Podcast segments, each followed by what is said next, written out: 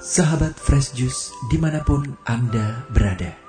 Sesaat lagi kita akan mendengarkan Fresh Juice Minggu 29 Mei 2022 bersama Pastor Pionius Hendy OFM Cup dari Pontianak. Selamat mendengarkan.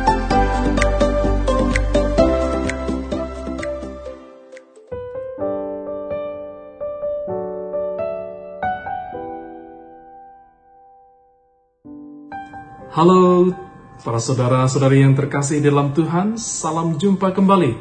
Selamat bergabung di Daily Fresh Juice Renungan Harian yang sangat kita nanti-nantikan. Sedang bisa bertemu dengan teman-teman pada hari ini.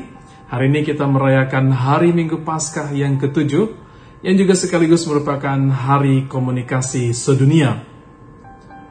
Bacaan dan renungan hari ini kita ambil dari Injil Yohanes bab 17 ayat 20 sampai dengan 26. Mari kita baca, simak dan renungkan bersama. Dalam perjamuan malam terakhir, Yesus menengadah ke langit dan berdoa bagi para pengikutnya. Bapa yang kudus, bukan untuk mereka ini saja aku berdoa, tetapi juga untuk orang-orang yang percaya kepadaku oleh pemberitaan mereka, supaya mereka menjadi satu, sama seperti engkau ya Bapa ada di dalam aku dan aku di dalam engkau, agar mereka juga ada di dalam kita, supaya dunia percaya bahwa engkaulah yang telah mengutus aku. Aku telah memberikan kepada mereka kemuliaan yang engkau berikan kepadaku, supaya mereka menjadi satu sama seperti kita adalah satu. Aku di dalam mereka dan engkau di dalam aku, supaya mereka sempurna menjadi satu, agar dunia tahu bahwa engkaulah yang telah mengutus aku. Dan bahwa engkau mengasihi mereka, sama seperti engkau mengasihi aku.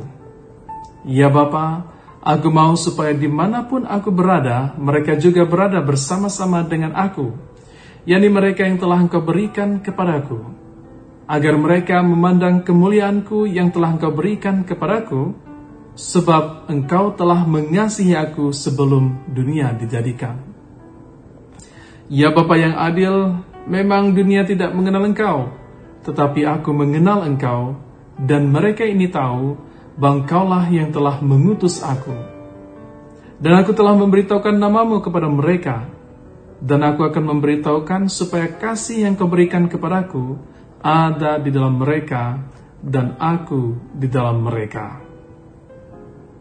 Demikianlah Injil Tuhan.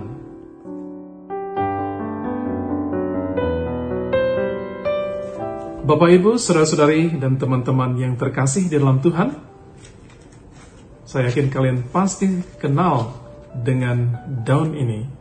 Inilah daun durian. Daun ini tetap menjadi hijau karena menyatu dengan rantingnya. Seandainya daun ini terpisah dari rantingnya, daun hijau ini akan menjadi layu dan akhirnya kering. Kesatuan adalah kehidupan. Kesatuan adalah kekuatan. Realitas dunia saat ini mengatakan bahwa dalam banyak peristiwa hidup sering kali terjadi ketidaksatuan, disintegritas, inkonsistensi karena adanya perbedaan dalam sara, suku, agama, ras, dan antar golongan. Oleh karena itu, maka dalam banyak peristiwa kehidupan, kita bisa melihat pertentangan-pertentangan yang muncul, ketidaksatuan ide atau pendapat yang terjadi. Bukan hanya terjadi dalam kehidupan bermasyarakat, tetapi juga dalam kehidupan menggereja. Tuhan kita Yesus Kristus hari ini kembali mengingatkan kita pada satu misi yang dicita-citakannya, yaitu misi kesatuan. Hendaklah mereka satu. Sebab kesatuan yang Yesus maksudkan ini terkait dengan kesatuan personal antara kita dengan Allah, tetapi juga kesatuan komunal antara kita dengan sesama kita. Ketika kesatuan bisa terwujud, maka bukan saja itu akan menjadi kesaksian hidup yang menginspirasi banyak orang, tetapi itu juga menjadi landasan sumber kekuatan di dalam diri. Oleh karena itu, dalam bacaan Injil hari ini, terutama dalam Injil Yohanes sebab 17, kita mendengarkan doa Tuhan Yesus yang menekankan kesatuan. Kalau kita lihat konteks dari doa ini, sesungguhnya kita bisa juga melihat bahwa doa ini merupakan doa yang terinspirasi dari doa Imam Agung dalam Perjanjian Lama. Sebab kita tahu bahwa dalam Perjanjian Lama ada liturgi hari pendamaian yang juga disebut sebagai liturgi Yom Kippur. Dalam liturgi ini, Imam Agung masuk ke dalam ruang Maha Kudus dan dia mohon ampun atas segala dosa yang telah diperbuat oleh bangsa Israel dan sekaligus membuat pendamaian pertama-tama bagi dirinya sendiri sebagai seorang imam agung namun juga bagi imam yang lain dan akhirnya juga pendamaian bagi seluruh bangsa Israel di balik konsep pendamaian ini sebenarnya kita bisa juga melihat konsep kesatuan dalam liturgi Yom Kippur. Mengapa? Karena liturgi ini menunjukkan bahwa bangsa Israel mengakui hanya ada satu Allah. Oleh karena itu, mereka selalu mendengungkan dalam doa harian mereka, Shema Yisrael, Oh, dengarlah Israel.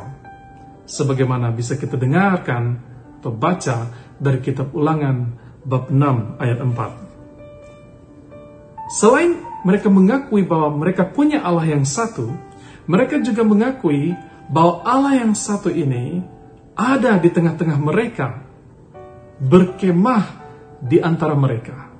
Itu sebabnya mereka punya tabut perjanjian. Dan karena kesadaran mereka bahwa Allah berkemah diam di tengah-tengah mereka, maka mereka juga mau mengekspresikan kesatuan mereka dengan Allah yang senantiasa menuntun mereka.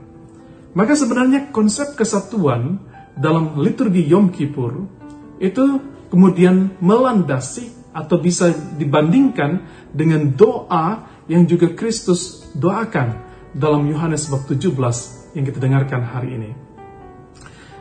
Doa ini sesungguhnya menunjukkan kesatuan antara Yesus Sang Putra dengan Bapaknya dalam kuasa Roh Kudus.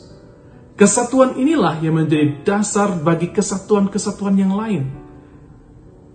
Jikalau kita melihat Yesus sebagai Logos, Sabda Allah, yang hidup bersama dengan Allah, dan segala sesuatu dijadikan olehnya, maka kemudian kita juga percaya bahwa konsep kesatuan antara Bapa, Putra, dan Roh Kudus ini juga menjadi sumber kesatuan bagi seluruh sesuatu atau segala sesuatu yang diciptakan. Dan inilah juga yang menjadi dasar kesatuan sehingga kita bisa melihat bahwa sesungguhnya kita juga satu di dalam Tuhan, satu di dalam iman. Oleh karena itu sesungguhnya tidak ada perbedaan ketika kita melihat berdasarkan konsep ini. Sebab sekali lagi, kesatuan adalah kekuatan. Rumah tangga yang kokoh adalah rumah tangga yang bersatu. Kesatuan yang didasari pada kesatuan Tritunggal sendiri. Persahabatan yang hangat adalah persahabatan yang kokoh. Mengapa dikatakan demikian? Karena persahabatan ini dilandaskan kemudian bagi orang Kristen, dilandaskan pada kesatuan Tritunggal itu sendiri. Karena di mana ada kesatuan, di situ juga ada kekuatan. Bersatu kita teguh, bercerai kita runtuh. Demikian kata pepatah. Lalu mungkin pertanyaannya, bagaimana cara menjaga kesatuan ini kemudian? Baik dalam dalam hidup masyarakat maupun dalam hidup berkeluarga. Caranya adalah dengan menjalin komunikasi cinta. Komunikasi dalam cinta diperlukan karena ini bukan hanya mengandalkan komunikasi logis.